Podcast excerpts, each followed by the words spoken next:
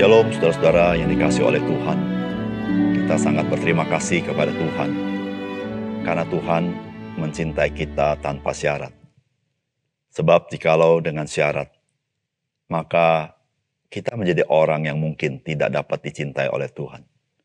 Tapi kita bersyukur, Tuhan kita tidak demikian. Dia mengasihi tanpa syarat, bahkan dia rela berkorban bagi kita. Salam jumpa dalam program Tuhan adalah Gembalaku. Saudara, seberapakah kita dapat menerima seseorang yang telah berubah kehidupannya? Sangat tergantung seberapa kita menerimanya sebagaimana adanya dia. Saudara, ketika kita tidak dapat menerima seseorang sebagaimana apanya dia, maka kita pun ada kesulitan untuk menerima orang tersebut.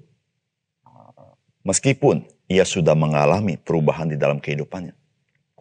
Saudara menerima seseorang apa adanya, itu merupakan gambaran daripada kasih yang tidak bersyarat. Saudara kasih yang tidak bersyarat bukan mengasihi perbuatannya, melainkan mengasihi orangnya, apa pun perbuatannya. Saudara kita bisa tidak setuju dan tidak dapat menerima perbuatannya.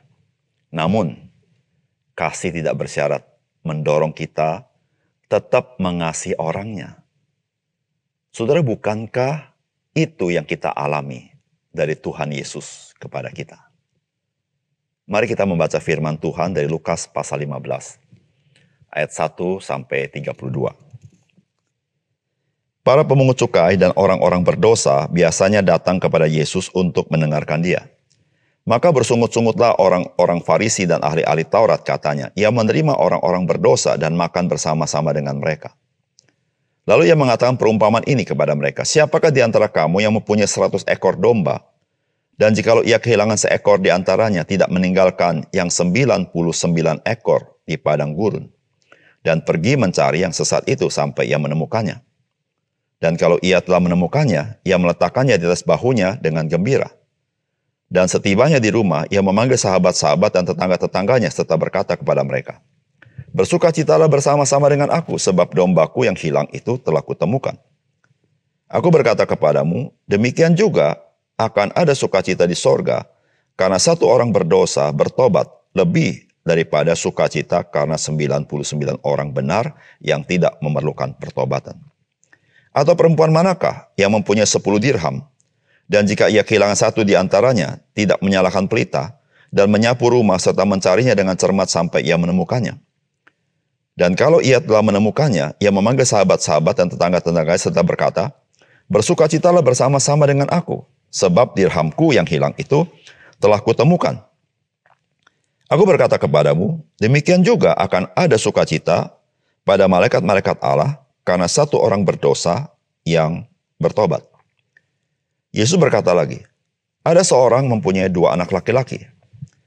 Kata yang bungsu kepada ayahnya, Bapa, berikanlah kepadaku bagian harta milik kita yang menjadi hakku. Lalu ayahnya membagi-bagikan harta kekayaan itu di antara mereka. Beberapa hari kemudian, anak bungsu itu menjual seluruh bagiannya itu, lalu pergi ke negeri yang jauh. Di sana ia memboroskan harta miliknya itu dengan hidup berfoya-foya. Setelah dihabiskannya semuanya, Timbullah bencana kelaparan di dalam negeri itu dan ia pun mulai melarat. Lalu ia pergi dan bekerja pada seorang majikan di negeri itu. Orang itu menyuruhnya ke ladang untuk menjaga babinya. Lalu ia ingin mengisi perutnya dengan ampas yang menjadi makanan babi itu. Tetapi tidak seorang pun yang memberikan kepadanya. Lalu ia menyadari keadaannya. Katanya, betapa banyaknya orang upahan bapakku yang berlimpah-limpah makanannya, tetapi aku di sini mati kelaparan. Aku akan bangkit dan pergi kepada Bapakku dan berkata kepadanya, Bapa, aku telah berdosa terhadap sorga dan terhadap Bapa. Aku tidak layak disebut anak Bapa. Jadikanlah aku sebagai salah seorang upahan Bapa. Maka bangkitlah ia dan pergi kepada bapaknya. Ketika ia masih jauh, ayahnya telah melihatnya. Lalu tergeraklah hatinya oleh belas kasihan. Ayah itu berlari mendapatkan dia, lalu merangkul dan mencium dia. Kata anak itu kepadanya, Bapa, aku telah berdosa terhadap sorga dan terhadap Bapa. Aku tidak layak lagi disebut anak bapa. Tetapi ayah itu berkata kepada hamba-hambanya, lekaslah, bawa kemari jubah yang terbaik, pakaikanlah itu kepadanya dan kenakanlah cincin pada jarinya. dan sepatu pada kakinya. Dan ambillah anak lembu tambun itu, sembelilah dia dan marilah kita makan dan bersuka cita. Sebab anakku ini telah mati dan menjadi hidup kembali. Ia telah hilang dan didapat kembali. Maka mulailah mereka bersukaria. Tetapi anak yang sulung berada di ladang. Dan ketika ia pulang dan dekat ke rumah, ia mendengar bunyi suring dan nyanyian tari-tarian. Lalu ia memanggil salah seorang hamba dan bertanya kepadanya, apa arti semuanya itu? Jawab hamba itu, adikmu telah kembali dan ayahmu telah menyembelih anak lembu tambun. Karena ia mendapatnya kembali dengan sehat. Maka marahlah anak sulung itu dan ia tidak mau masuk. Lalu ayahnya keluar dan berbicara dengannya. Tetapi ia menjawab ayahnya katanya, Telah bertahun-tahun aku melayani Bapa dan belum pernah aku melanggar perintah Bapa. Tetapi kepadaku belum pernah Bapak memberikan seekor anak kambing untuk bersuka cita dengan sahabat-sahabatku. Tetapi baru saja datang anak Bapak yang telah memboroskan harta kekayaan Bapak bersama-sama dengan pelacur-pelacur, maka Bapak menyembeli anak lembu tambun itu untuk dia. Kata ayahnya kepadanya, Anakku, engkau selalu bersama-sama dengan aku, dan segala kepunyaanku adalah kepunyaanmu. Kita patut bersuka cita dan bergembira, karena adikmu yang telah mati dan menjadi hidup kembali. Ia telah hilang dan didapat kembali. Saudara yang dikasih oleh Tuhan, bagian firman Tuhan yang kita baca adalah perumpamaan-perumpamaan yang Tuhan Yesus ajarkan. Di sini kita mendapatkan tiga perumpamaan yang Tuhan Yesus ajarkan. Perumpamaan Yesus ajarkan ini adalah respons terhadap sikap orang-orang Farisi dan ahli-ahli Taurat. Karena Tuhan Yesus mau menerima para pemungut cukai dan orang berdosa. Dan ahli-ahli Taurat dan orang-orang Farisi sangat keberatan dengan sikap Tuhan Yesus. Saudara, orang-orang Farisi dan ahli-ahli Taurat memang senang untuk memberikan label kepada orang-orang tertentu dan label itu akan terus melekat pada orang itu meskipun orang itu telah berubah hidupnya. Saudara di dunia ini, berapa banyak orang senang memberikan label kepada orang tertentu. Dan orang-orang yang memberi label ini tidak peduli apakah orang itu hidup tidak sesuai dengan label itu, tetap saja label itu yang diberikan kepada orang tersebut. Saudara, mari kita sebagai orang-orang percaya, jangan pernah melakukan menaruh label yang buruk kepada orang lain. Namun marilah kita menjadi orang percaya yang selalu berdoa supaya orang mengalami perubahan hidup melalui karya Tuhan Yesus. Saudara, apakah pesan firman Tuhan dari bagian firman Tuhan ini? Yang pertama, saudara Tuhan tidak melihat nilai manusia itu dari kuantitas semata-mata. Karena bagi Tuhan, setiap pribadi manusia itu berharga. Saudara respon Tuhan Yesus terhadap sikap orang-orang Farisi dan ahli-ahli Taurat sangat jelas sekali, yaitu melalui perumpamaan yang Tuhan Yesus ajarkan. Yang pertama, Yesus memberitahukan tentang kisah orang memiliki 100 ekor domba. Kemudian satu ekor domba hilang. Maka orang ini akan mencari satu ekor domba itu. Saudara di sini memberitahukan kepada kita bahwa Tuhan tidak melihat semata-mata kuantitas. Namun Tuhan melihat tiap-tiap orang secara pribadi itu berharga. Sehingga satu saja yang hilang, dia akan cari. Demikian juga Tuhan memberikan perumpamaan yang lain. Seorang perempuan yang punya 10 dirham. Ketika satu dirham hilang, perempuan itu akan menyalahkan pelita dan mencarinya. Dan saudara yang kasih dalam Tuhan di situ memberitahukan kepada kita bahwa tiap-tiap orang begitu berharga di mata Tuhan. Saudara, ketika kita menyadari apa yang menjadi cara pandang Tuhan Yesus kepada kita, maka kita bisa bersyukur. Karena setiap kita mendapat perhatian daripada Tuhan. Tuhan tidak mengeneralisasi setiap kita. Tapi setiap kita secara spesifik dengan pergumulan kita Tuhan tahu.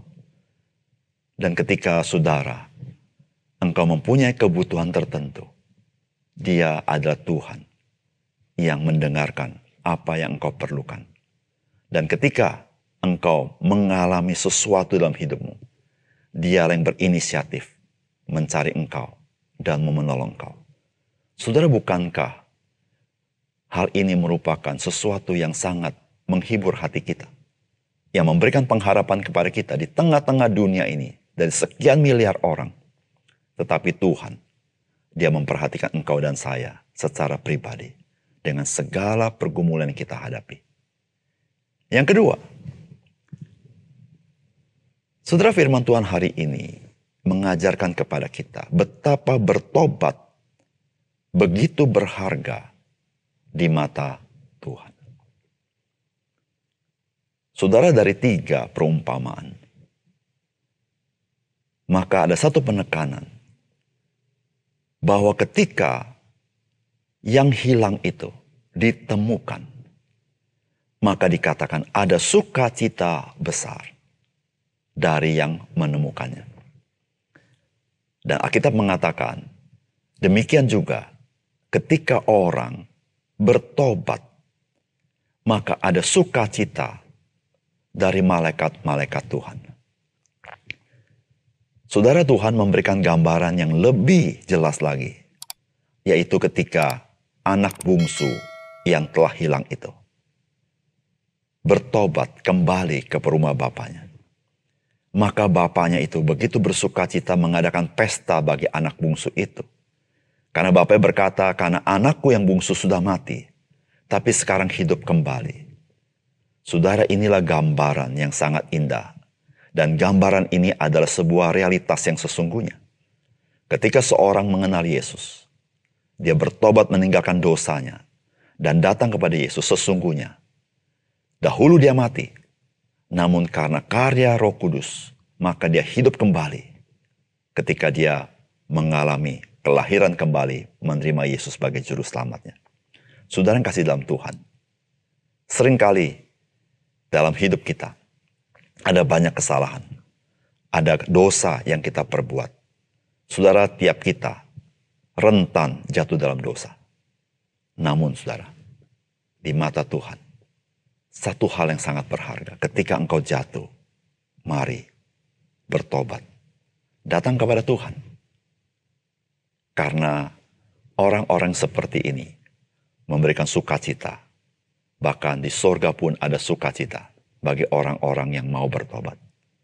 Sudah kasih dalam Tuhan, Tuhan selalu membuka tangannya kepada kita ketika kita mau datang kepada dia.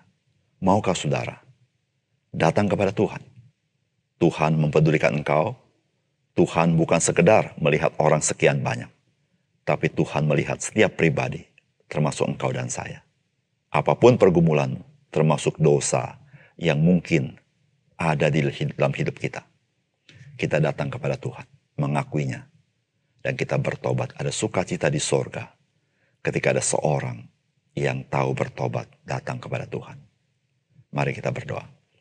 Bapak surga terima kasih karena sekian banyak orang yang boleh datang kepada engkau. Tetapi Tuhan bukan hanya melihat sekian banyak orang. Tetapi Tuhan memperhatikan tiap-tiap orang. Di situlah Tuhan kami bersyukur. Di tengah miliatan orang. Tetapi Tuhan mengenal kami secara pribadi. Apa pun pergumulan kami termasuk kegagalan kami. Cacat celah kami termasuk dosa kami. Ajar kami kami bertobat datang kepada Tuhan. Dan Alkitab mengatakan ada sukacita di sorga ketika seorang bertobat datang kepada engkau. Tuhan terima kasih. Biar Tuhan tolong kami menjadi orang-orang percaya yang tahu artinya.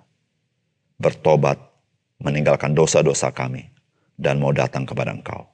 Terima kasih Tuhan. Dalam nama Tuhan Yesus kami berdoa. Amin.